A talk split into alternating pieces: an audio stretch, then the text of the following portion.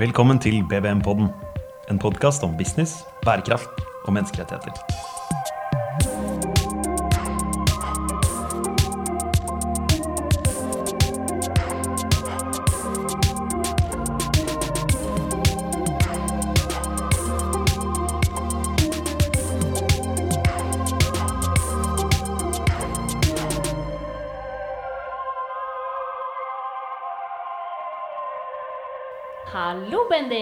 Hei sann, Johanne. Går det bra med deg? Det går veldig bra. Det er godt å høre. Sola skinner. Solen skinner i Bergen, og vi skal lage vår første podkast. I dag så har vi fått med oss Lars Jakob Tynes Pedersen. Eh, han jobber som førstemanuensis på NHH innenfor feltene bærekraft og atferdsøkonomi. Men hovedgrunnen til at vi har han som gjest, er at han har sittet i Etikkinformasjonsutvalget, som har utformet et lovforslag som omhandler åpenhet i produksjonsprosessene i verdikjedene til bedriftene. Ja, det høres jo det høres ut som litt tung materie, det er lov å si. Men det er jo spennende. Ja, Og det er, så, og det er jo høyst aktuelt. Veldig Eh, aktuelt. For dette lovforslaget eh, skal jo til behandling i Stortinget i disse dager. mm. Så det blir veldig spennende å se utviklingen. Dette blir veldig spennende, så følg med og lytt.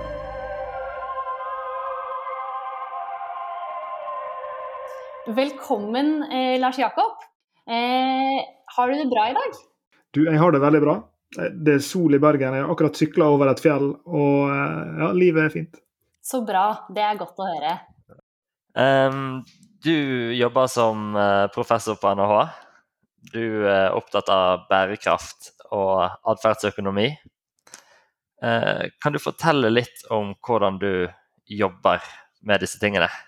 Mm. Jeg må i rettferdighetens navn si at jeg, jeg er førsteamanuensis, tra, t- trappetrinn under professor, så vi må ha noe å strekke oss etter i livet. Eh, og jeg, eh, det riktig, jeg, er jo på, jeg leder et senter på NHH eh, som heter Center for Sustainable Business, sammen med en, en god kollega av meg som heter Sveinung Jørgensen. Eh, og Vi har jo jobba med altså bærekraft i vid forstand, både den, den miljømessige og den samfunnsmessige, i 15 års tid sammen. og Dette senteret det, det starta vi i fjor, så det er jo en litt sånn nyere ting på, på NHH at vi har et sånt senter. senter unnskyld, og Det er vi veldig glad for. Eh, og Vi jobber jo med ja, problemstillinger i skjæringspunktet mellom økonomi, samfunn og miljø. Da. og Det dreier seg av og til om, om trade-offs, og det dreier seg av og til om å forsøke å finne måter hvor disse kan forenes på. altså Hvordan en kan nær sagt eh, utforme forretningsmodeller som, som kan både eh, levere langs økonomiske, samfunnsmessige og miljømessige dimensjoner. Så Det er det som får oss til å stå opp om morgenen. Ja, men det er spennende.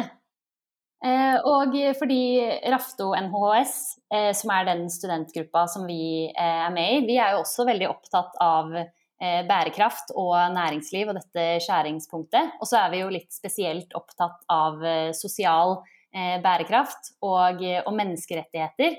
Så da lurte jeg på om du kanskje kunne, siden du har såpass mye kompetanse da, på dette feltet, om du kunne prøve å definere for oss hva et menneskerettighetsbrudd egentlig er, eller innenfor næringslivet, da, og kanskje komme med noen eksempler på Mm. hvordan dette skjer?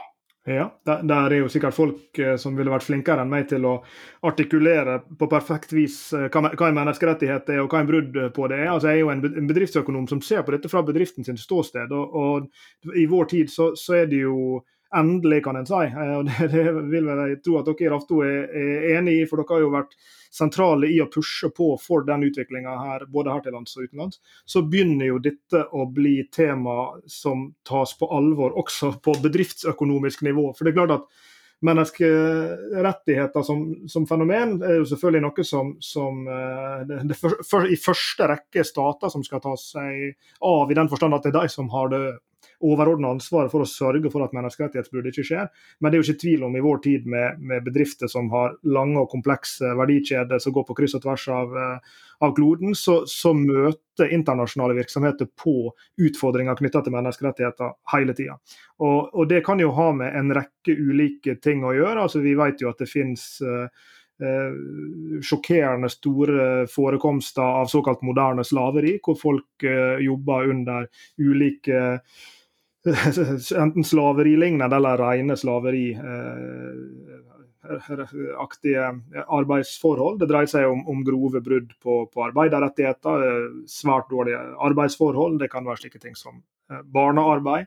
Um, videre og diskriminering, ikke minst, uh, som, som, også forekommer i, i utstrakt grad i, i, uh, i næringslivet. Så, så, på alle disse måtene så får jo da disse typene menneskerettighetsbrudd veldig direkte relevans og blir veldig liksom, direkte problemstillinger som bedriftsledere må forholde seg til. Og da må vi som, som bedriftsøkonomer som jobber med strategiene og forretningsmodellene og nær sagt operasjonelle spørsmål rundt hvordan en bedrift skal drive business, eh, så plutselig så kommer jo disse temaene her eh, midt på tallerkenen.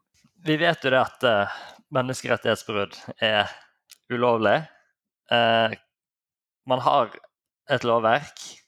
Hvordan fungerer lovverket i dag? Og hvorfor forekommer det når man har lovverk? Ja, Det der er jo et godt spørsmål. Det er jo jeg tror jo eh, Vi skal jo selvfølgelig etter hvert komme til å, begynne å snakke om dette nye lovforslaget som, som nå ligger eh, foran Stortinget, den åpenhetsloven. Og, og det er klart at det, Navnet der gir jo et lite hint. Åpenhet. Altså eh, For enhver person som ser på, på næringslivet i dag, både nasjonalt og internasjonalt, så en skal ikke kikke lenge på det før en innser at det er veldig komplekst. Eh, det er ikke nødvendigvis veldig gjennomsiktig. Eh, og eh, selv om liksom, i internettets tid og i informasjonstidsalderen så, så har en mer og mer informasjon, så er det likevel fryktelig mange ting som skjer utenfor blikket til regulerende myndigheter, utenfor blikket til nær sagt hvem noen som skulle ønske å følge med. da. Uh, og så, så ett svar på spørsmålet ditt, Det finnes nok mange svar på spørsmålet, men ett svar på spørsmålet er nok at at økonomien er et eh, uoversiktlig eh, sted. Et sted hvor dersom du ønsker å skjule eh, kall det problematiske praksiser, så får du til det. I alle fall ganske lenge. Og, og her er det nok en parallell vil jeg si, rundt det som har med menneskerettighetsbrudd og, og, og sosiale Eh, problemstillinger til det som har med miljøkriminalitet å gjøre. Eksempel. vi har jo massevis av lovgivning også på miljøkriminalitet, men du kan jo hvor som helst finne noen som dumper 500 liter eh, skitne kjemikalier ned i et sluk et sted fordi at de kan. Fordi at vi ikke står der og ser på når de tømmer det osv. Så, eh, så, så det er vel i alle fall ett svar på spørsmålet. da, At denne åpenheten som en skulle ønske, den, den, er ikke bare lett å få til fordi at så veldig mye skjer i det på sted og i situasjoner hvor en ikke har muligheten til å observere det. Eh, og så Et oppfølgingsspørsmål er hvor vanlig er det at man stilles til ansvar for menneskerettighetsbrudd i verdikjeden? Ja, det, nå skulle jeg ønske at jeg hadde en av mine gode kollegaer som jobba eh, mer i det kalde juridiske landskapet eh, på stolen ved siden av meg. fordi jeg, jeg må svare ærlig at jeg, jeg, er usikker på forekomsten. Eh, altså hvor, hvor, ofte disse sakene blir, blir En ting er jo de sakene som ender opp i, i um, i sagt straffesystemet eller å bli til i uh, rettssak eller i hva det måtte være. Du har jo så veldig mange ting som store bedrifter i dag får løst før det kommer dit hen. Det er jo et eget fagfelt. Jeg har en ypperlig kollega, Tina Søreide, som jobber på disse problemstillingene knytta til, til corporate compliance og liksom avstraffing av, av virksomheter som, som, gjør ulike ting de ikke burde ha gjort, da, enten det dreier seg om, om korrupsjon eller miljøkriminalitet eller Eh, eller uh, menneskerettighetsbrudd. Så, så, jeg må ærlig svare at jeg, jeg er usikker på hvor, sagt, hvor, hvor ofte disse, disse tingene ender opp i, i rettsvesenet på, på, den ene eller den andre måten, og, og om en vet noe om kall det den, den eh, prosentvis, om du vil, eh, andelen av den, totale forekomsten av disse typene. og Jeg vil jo tro at, at skyggetallene her må jo være, eh, må være enorme.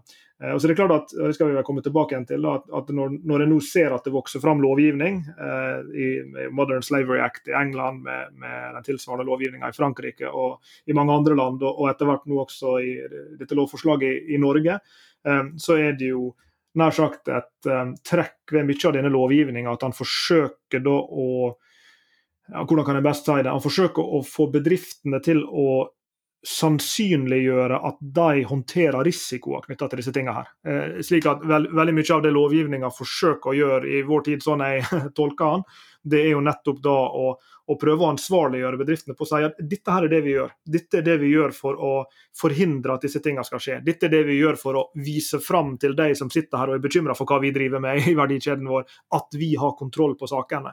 Eh, og, og det er kanskje altså symptomatisk, om du vil, altså i, i den forstand at at, eh, at her er det så mye som vi ikke har tilgang til informasjon om, og så er det et forsøk på da kanskje å åpne opp for å dermed kunne kikke litt bak gardinen, litt mer enn vi har kunnet før, på hva er det egentlig som rører seg i disse komplekse internasjonale verdikjedene.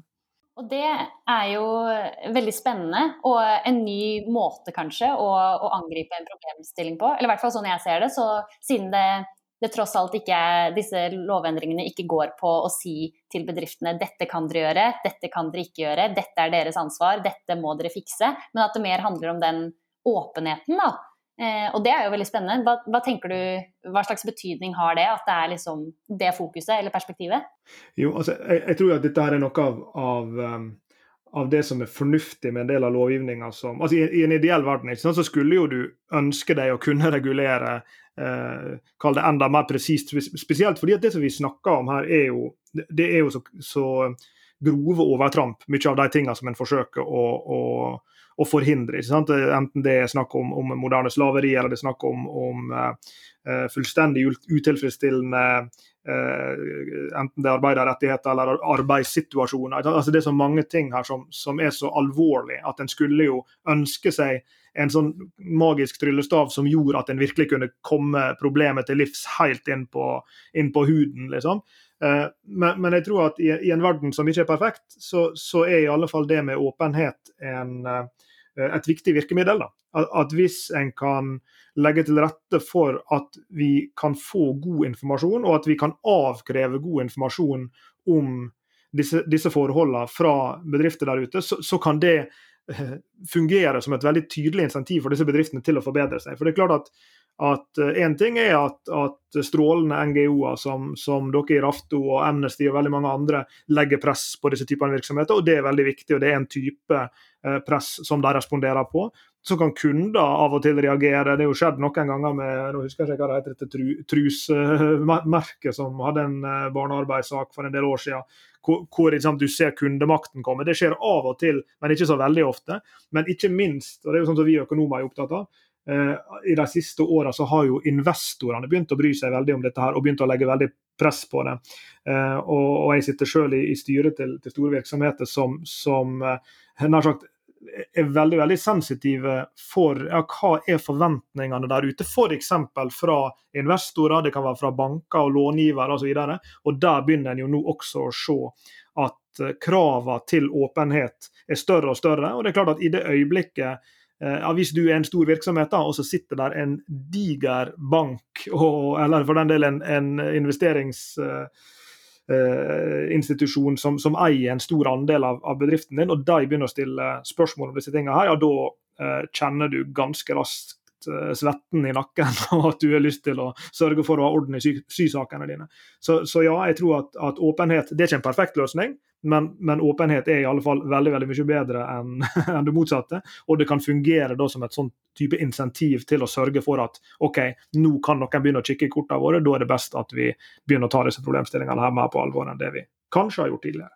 Ja, eh, og så tenker jeg også, Nå må du si fra hvis du er uenig, da, men at det kanskje er eh, en større del av løsningen enn man først har sett for seg. fordi eh, det er jo ingen som Ingen tenker at menneskerettighetsbrudd er en god ting.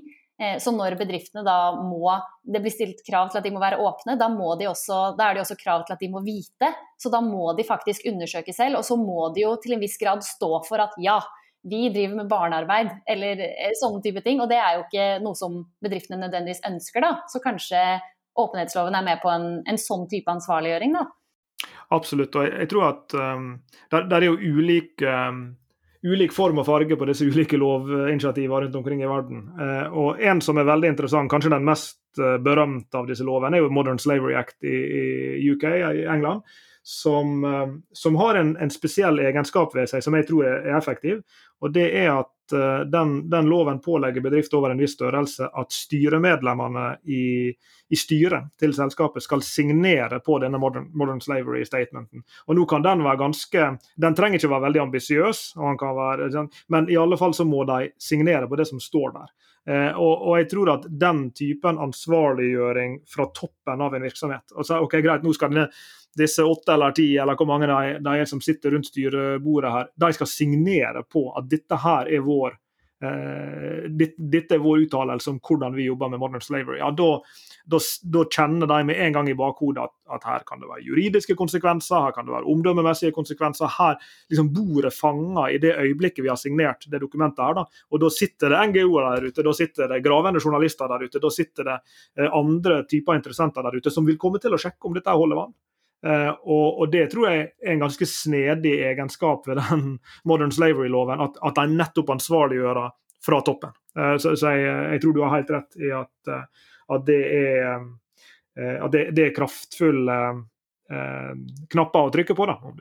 Og Det er jo i så fall veldig spennende hvis det har den ønskede effekten. Og da er det jo selvfølgelig, sånn, selvfølgelig mer effekt kanskje i noen bransjer enn i andre.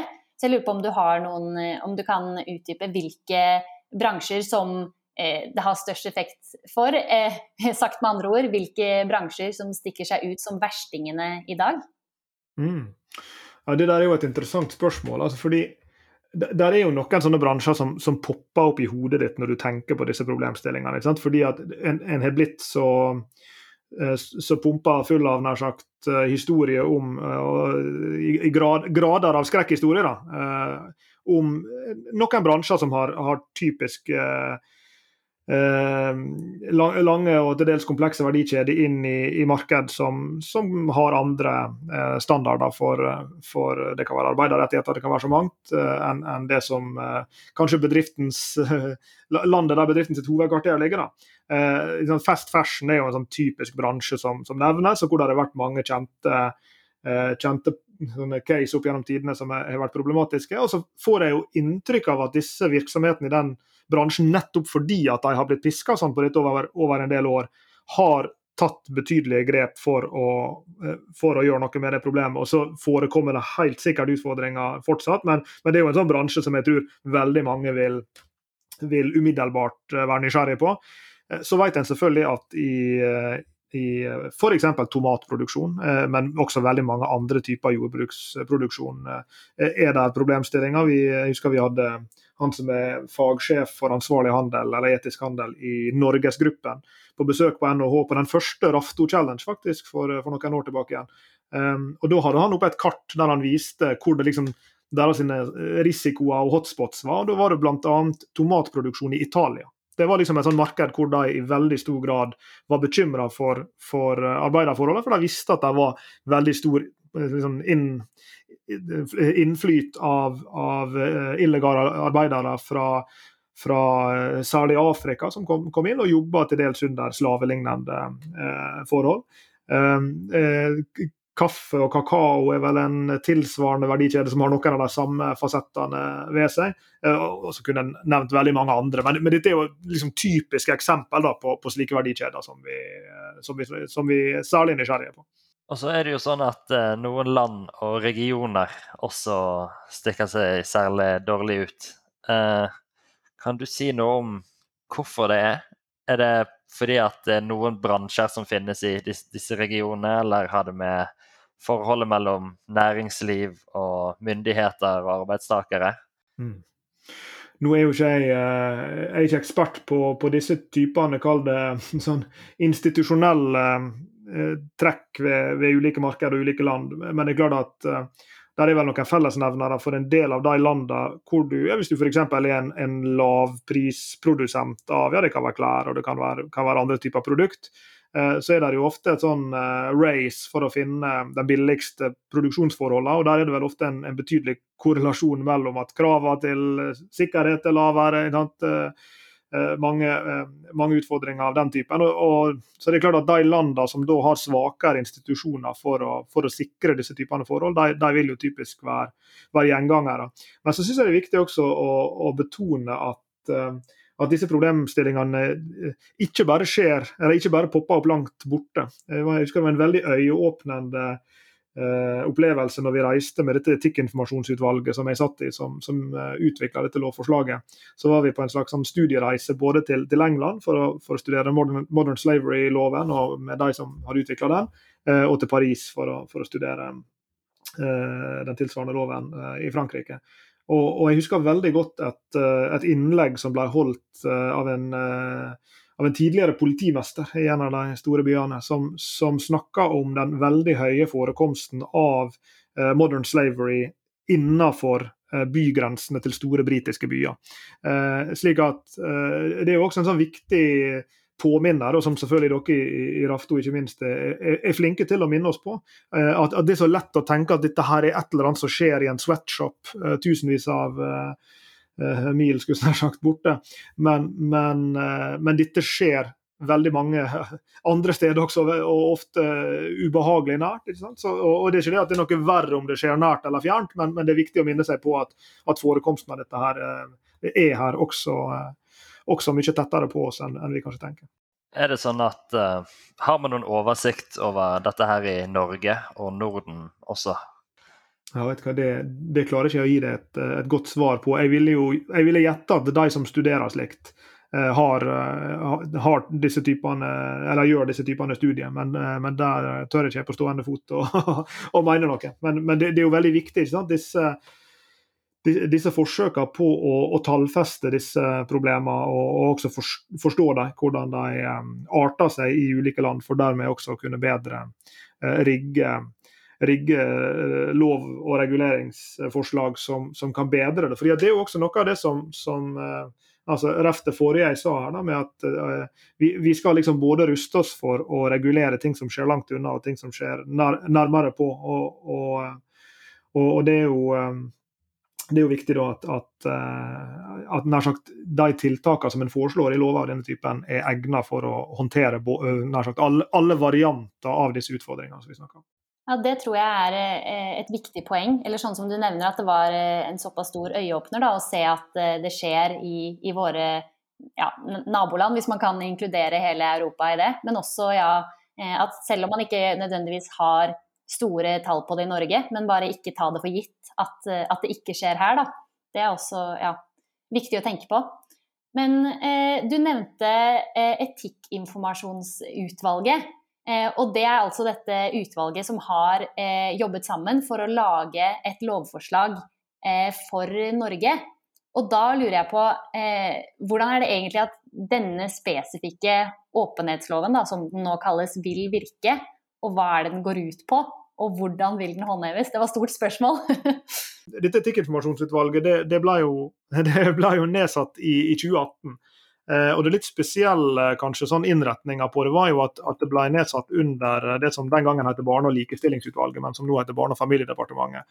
Eh, og Grunnen til det var jo at, at initiativet som ble fremma fra for så vidt flere ulike eh, stortingsrepresentanter til forslaget om, om å, å, utrede en sånn lov, det hadde en veldig tydelig sånn forbrukerbegrunnelse. Uh, altså liksom sånn at Når Bendik og Johan og Lars Jakob går på butikken og kjøper klær eller kaffe eller en bil eller uh, hva vi nå enn kjøper, så, vi, så, burde vi kunne be disse bedriftene vi handler hos om informasjon om hvilke forhold disse produktene har nær sagt blitt til under. Så det var en veldig sånn tydelig forbrukerfokus. Og så skal jeg være så jeg, kan, jeg, kan, gi innsikt i, i enkeltstemme i utvalget så lenge de er mine egne. Og, og, og min egen eh, sånn innvending til det er veldig tidlig. Eh, så jeg kjemper en, eh, en, kamp, om du vil, tidlig i dette arbeidet med at vi må ikke se oss blind bare på forbrukeren. fordi jeg tror det er litt farlig at vi skal ta det ned til at det alltid skal være Johanne og Bendik og Lars Jakob sitt ansvar å sørge for at næringslivet beveger seg i riktig retning. Som jeg var inne på i stad, så tror jeg at de påvirkningene som f.eks.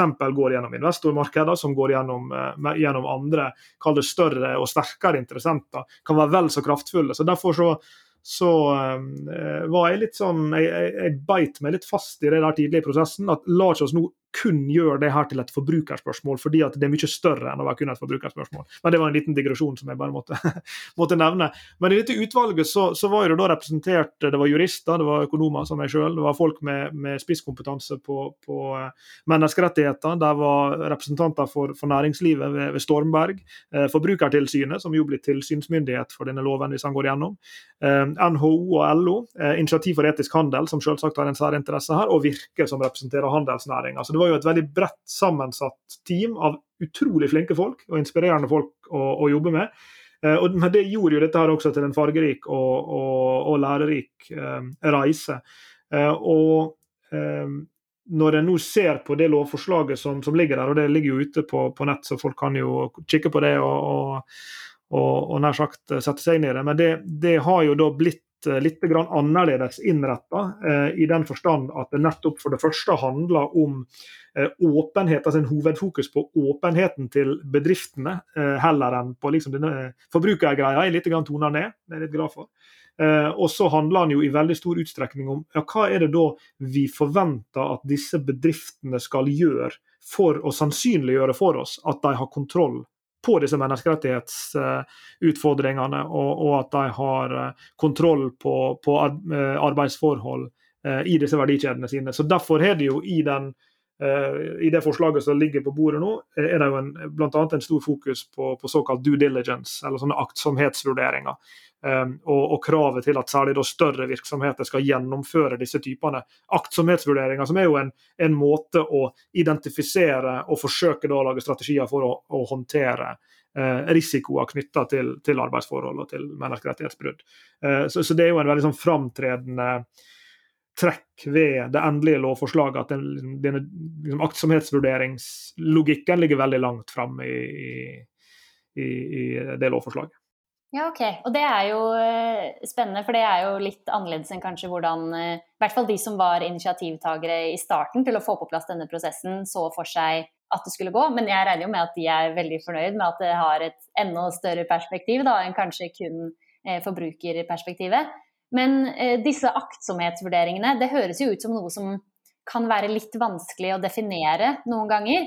Så jeg bare lurer på hvordan er det denne loven egentlig vil kunne håndheves? Mm. Det er, godt, eh, det er, et veldig godt spørsmål. og nå er jo Tanken her er jo at, eh, at, det skal være en tilsynsmyndighet. og Det som er foreslått er jo at det, det er Forbrukertilsynet. så Sånn sett er det jo en, en forbrukerinngang der. da. Eh, men, men, det som, som ligger liksom langt fremme i, denne, i, i dette, dette, forslaget, er jo at, at bedrifter skal måtte informere om hva, hva, slags tiltak de gjør for å, å identifisere og håndtere disse, eh, disse risikoene. her. Så, så, så, Det betyr at, eh, at det er jo da en, en, en, en informasjonsplikt, da, som en, som en kaller det, til at hvis Og det for så vidt eh, blir jo interessant å, å, å se hvordan den vil bli testa nå. For jeg går ut ifra at noe av det som vil skje fremover, er at f.eks. NGOs og for den del andre begynner å, å be om innsyn. Altså at en, at tester loven på den måten. Eh, en liten sånn side note er jo at vi, vi, har en veldig spennende lov i Norge som er lite kjent, som heter miljøinformasjonsloven. Eh, og Den minner litt om denne lovgivninga her, bare at han tar for seg det som har med miljø å gjøre.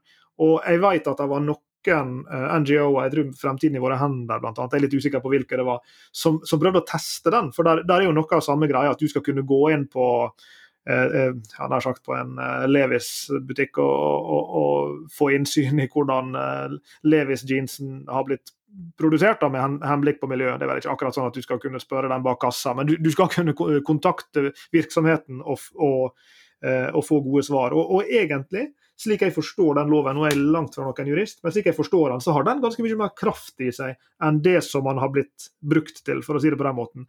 Eh, fordi at han vil jo kunne hjelpe deg, hvis du har lyst, å avdekke deg, eh, ganske mye av de virkelige miljøpåvirkningene til, eh, til, bedrifter. Og på samme måten så vil jo da den loven her eh, kunne fungere som et slags i hermetegn våpen, jeg mener ikke så negativt, men, men våpen i, i hermetegn, da Eh, for de som har lyst til å teste ja, hvor seriøst er det egentlig store norske virksomheter jobber med å, eh, å sikre at arbeidsforhold og, og, og, ikke minst å sikre eh, at, det ikke forekommer menneskerettighetsbrudd i, i deres sine leverandørkjede. Og, og, da presiserer jo jeg det store, fordi at slik som loven endte opp med å bli utforma, så, eh, så følger han jo regnskapsloven i at han omfatter Eh, eh, bedrifter som er, eh, som er, klassifisert som store bedrifter. Altså det vil si at det har enten en salgsinntekt på over 70 millioner kroner, en balansesum på over 35 millioner kroner, eller at han har et gjennomsnittlig antall ansatte på, på mer enn 50 årsverk. Så det, det, betyr jo at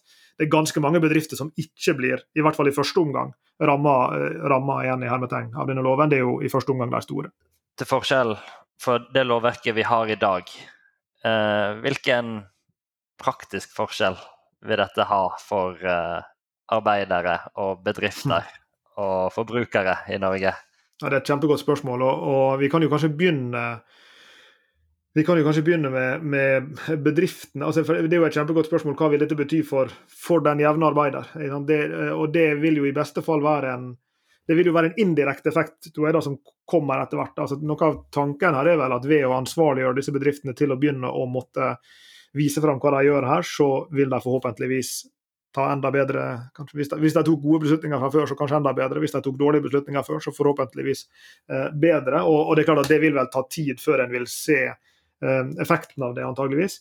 Eh, når det gjelder hva, hva, det vil bety for bedriftene, så er jo det, det er klart at, at forventningene er nå mye sterkere om hvordan en skal jobbe med dette. Det, det, er klart at Mange store norske virksomheter driver allerede med aktsomhetsvurderinger. Hvis du går og besøker eh, Equinor eller Telenor, eller sånt, så har de masse folk som jobber med, med aktsomhetsvurderinger rundt samfunnsansvar generelt og, og disse typene arbeiderrettigheter spesielt, fordi at de opererer i veldig problematiske eh, regioner og land og, og, marked allerede. Um, men det er klart at dette her det strammer jo til skruen enda litt mer. Og så dytter det kanskje de liksom neste i køa, de som ikke har nødvendigvis prioritert å gjennomføre kall det ordentlige aktsomhetsvurderinger, om du vil kalle det det, um, til å begynne å gjøre det. Altså til å ta et skritt i, i en mer ambisiøs retning. Og, og, jeg tror jo også at det her vil medføre samtidig en slags profesjonalisering av arbeidet med eh, altså med, med selvfølgelig, men, men, også i forlengelsen av det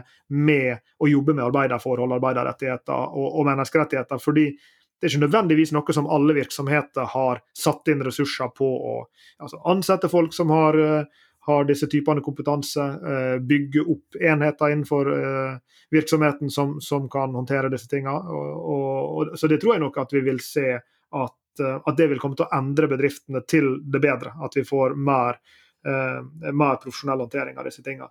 Og så det siste spørsmålet, da, hva vil det bety for forbrukerne? Det, ja, det, det, spørs jo hva slags forbruker du er. Hvis du er en forbruker som ikke bryr deg om disse tingene, så vil jo ikke det forandre så veldig mye. Eh, hvis du er en forbruker som bryr deg om det, så har jo du plutselig fått veldig mye større muskler til å Eh, stille de bedriftene du handler hos til veggs, og få svar rundt eh, hvor er det mobiltelefonen min kommer fra, hvordan har den blitt eh, til, hvor er det bilen min kommer fra, hvor er, hvor er det dine T-skjorter kommer fra, osv. Mm. Fordi du sa jo det at du håpet jo det at dette ikke skulle bli en ren sånn forbrukerlov, og at det bare skulle handle om forbrukermakt. Hvis man da skal være helt åpen om prosessene, så vil jo dette her uh, insentivere bedriftene til å legge om prosessene. Mm. Uh, vil det føre til dyrere varer, eller er, er, forbrukere i Norge egentlig villige til å gi mm. kall på ja, billige varer, selv om, selv om, man vet at de kommer fra, fra ja, ja, det er, det er shady produksjon. Ikke sant? Jeg synes det er et kjempegodt spørsmål. og jeg, jeg tror jo at Dette er kanskje også en av grunnene til Eh, altså den skepsisen som jeg tror er en veldig sunn skepsis, som du utviser her. altså Stoler vi på eh, norske forbrukere, og forbrukere i alle andre land, stoler jeg nok på meg sjøl, stoler, stoler, jeg nok på mine venner til at, at vi skal snu den skuta? Liksom. Det er liksom når jeg går og kjøper meg den genseren her som jeg kjøpte på XXL forleden, jeg, jeg spurte ikke noen hvor den var produsert.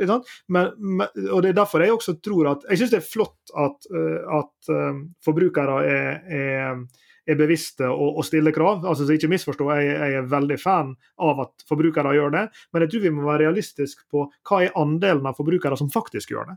Hva er andelen av forbrukere som faktisk setter liksom, verden i bevegelse for, for å prøve å, og, og, være sikre på at de handler etisk og handler eh, ansvarlig. Og det er Da jeg mener at da tror jeg at, at, det er bedre at vi spiller på disse andre strengene.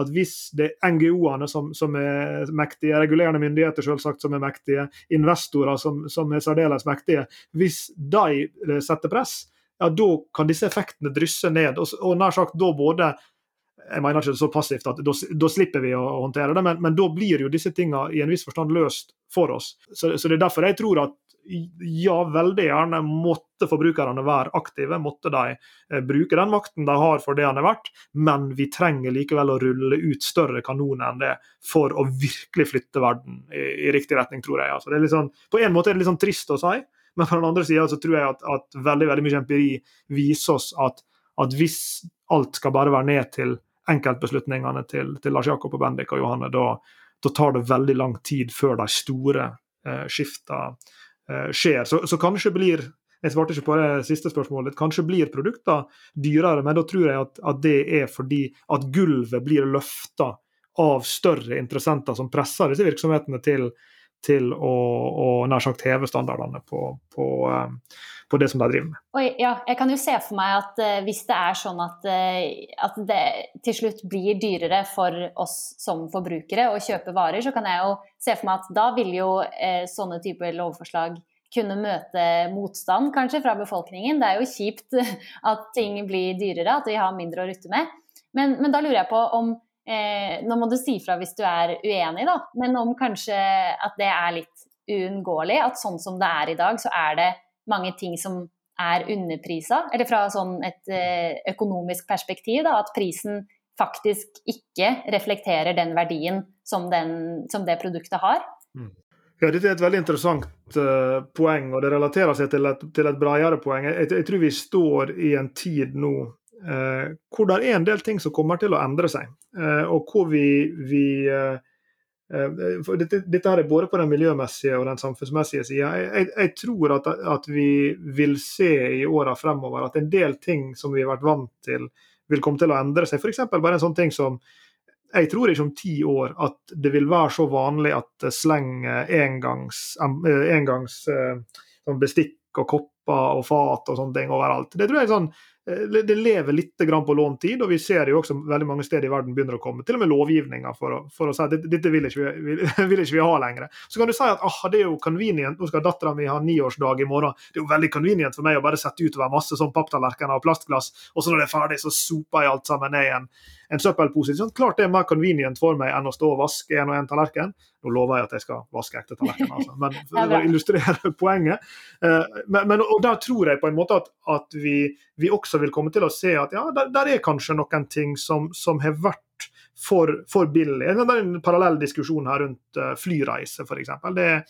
Uh, flyreise er, er, veldig veldig billig relativt kanskje til, til det uh, i en viss forstand de burde ha vært hva angår Dette er en tricky diskusjon, men, men der, der, er liksom noen sånne kategorier av ting som hvor vi kanskje vil se at, at eh, miljøkostnader blir prisa inn. Hva skjer når CO2 blir prisa inn i en uh, flyreise? Hva skjer når uh, arbeiderrettigheter og, og, det å skulle håndtere menneskerettighetsbrudd blir, blir prisa inn i, i liksom disse aller laveste lavprisklærne, f.eks. Ja, det kan hende at, at der er Eh, dette er langt fra mitt fagfelt altså, å, mene så veldig mye om det faglig, men, men, det er en interessant diskusjon å ha. Eh, er det slik at, at det er produkter der ute som eh, ikke bærer i seg det som vi økonomer kaller for ekster, alle eksterne, relevante eksternaliteter, altså alle disse bivirkningene som noen andre må bære, som en eller annen som jobber under slaverilignende forhold i et land langt borte må bære, eller som en eller annen eh, albatross som spiser mikroplast ute på havet, må bære. Fordi at det er en bivirkning av måten vi har valgt å organisere våre produksjons- og konsummønstre på.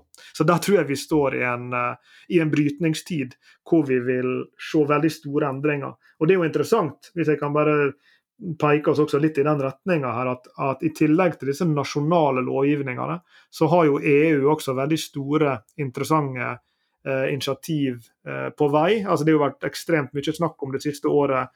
Eh, EU sin såkalt eh, taksonomi for, eh, for eh, grønn finans og grønne aktiviteter, som, som, er jo en sånn miljømessig det regulatorisk pakke da, som EU lager for å klassifisere ja, hva, hva er grønn og hva er, er brun eh, virksomhet i, i, miljømessig forstand. Og så vet en jo også at EU har en sånn eh, menneskerettighets due diligence eh, lov, altså et slags lovforslag eller et slags programforslag under utvikling. Eh, og Dette er fullstendig spekulasjon fra min side, men det vil ikke overraske meg om dette her egentlig er en bevegelse i retning av at om noen år så har vi en EU sin taksonomi som både tar for seg den miljømessige og den samfunnsmessige sida, og som klassifiserer da aktiviteter inn i, i, mer og mindre forsvarlige aktiviteter, som dermed vil bli behandla deretter av investorer, vil bli behandla deretter av banker, som skal bestemme hvorvidt de har lyst til å gi lån eller ikke til disse virksomhetene, eh, og som da setter mer og mer press eh, på virksomhetene til å rydde opp, på den måten som f.eks. bankene har gjort med med shippingnæringa, hvor, hvor, det nå er, er, veldig mye strengere krav rundt finansiering av et skip. Eh, fordi at en vil forhindre at om 20 år eller 30 år så står det skipet på ei strand i Bangladesh, og så er det eh, nær sagt personer som, som, ikke er faglært og som ikke er beskyttelsesutstyr og i det hele tatt, som står og hogger opp skipet under eh, håpløse forhold.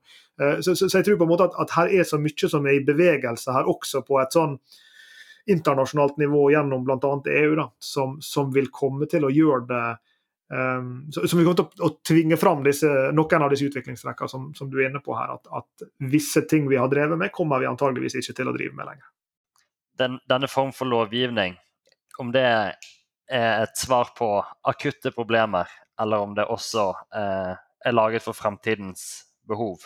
Ja, det er et veldig godt, det er et veldig godt spørsmål. Og, og ideelt sett så skulle en ønske seg at det er litt sånn ja takk, begge deler. Altså, eh, det er klart at her, her er noen akutte behov. altså her, her, er noen, eh, Det er jo interessant eh, å følge diskusjonen rundt Qatar-VM om dagen. ikke sant? Og, og en, uh, en, fotballbransje i hermetegn uh, som, som, som, våkner opp til, til, det som foregår der. Så vi se hvordan de norske klubbene nå ser ut til å mobilisere veldig kraftig for en, for en boikott.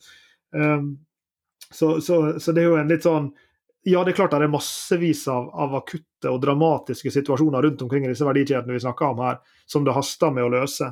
Eh, og så Samtidig så er det en gang sånn med, med lovgivninga og også med kall praksisene til bedrifter at som vi var inne på i stad, så har det jo Det tar jo litt grann tid eh, før disse tingene setter seg. Jeg, jeg, jeg snakka så vidt med en som har drevet og forska på denne modern slavery-lovgivninga i, i, i Storbritannia. og den hvis jeg husker rett, ble til i 2015.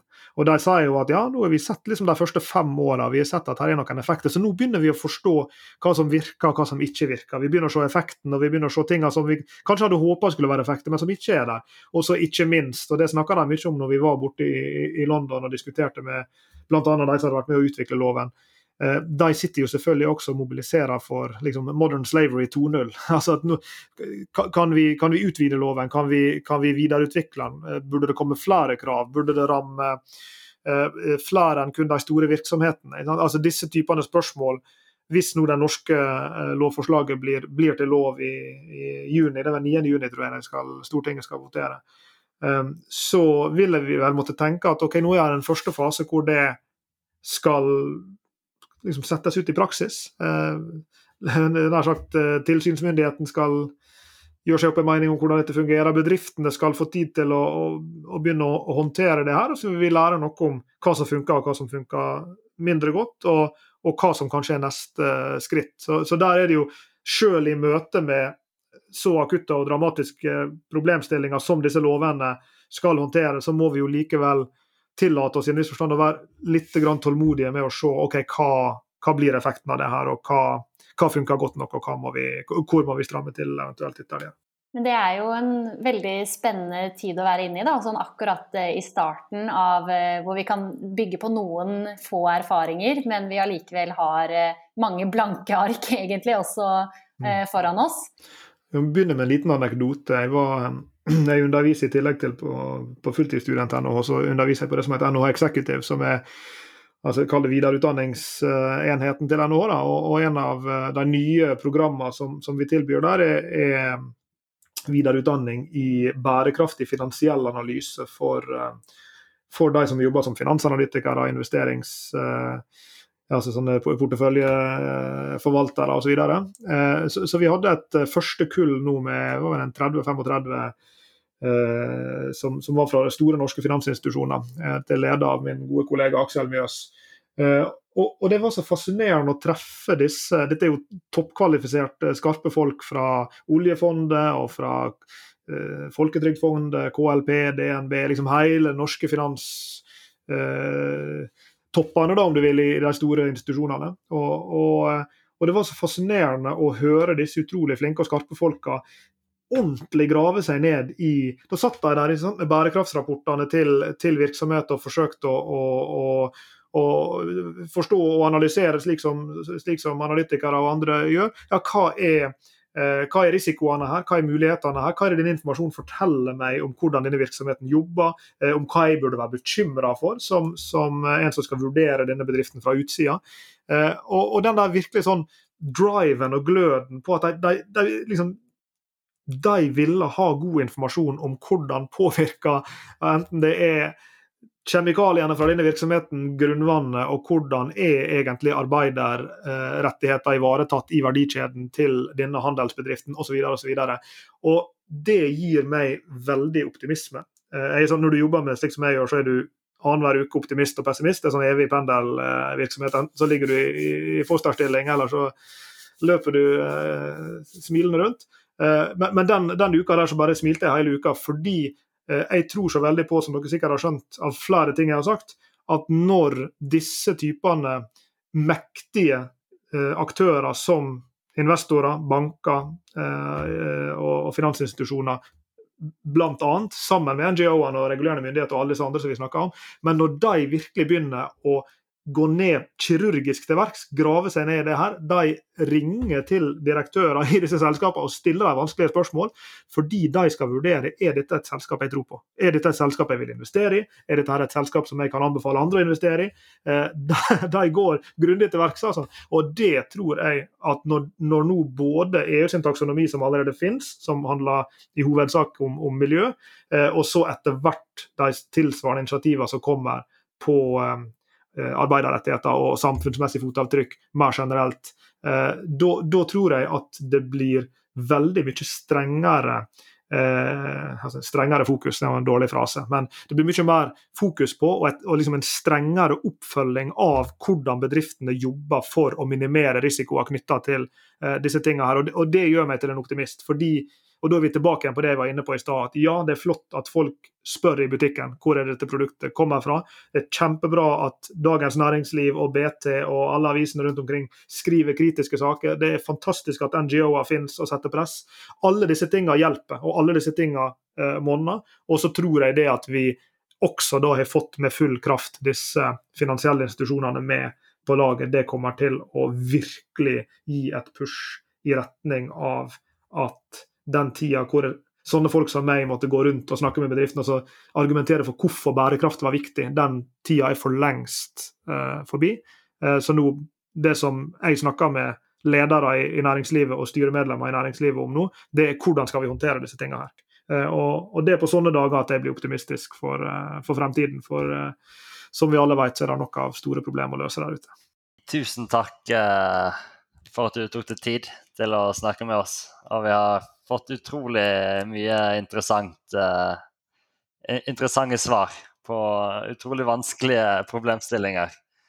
Og så uh, var det også kjekt med en, sånn, uh, en liten optimistisk avslutning på det hele også.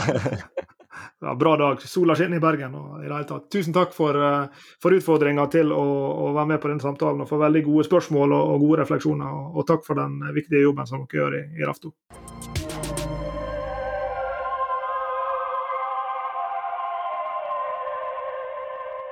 Takk for at du hørte på episoden. Håper du syns det var spennende. Husk å abonnere hvis du vil få med deg neste episode.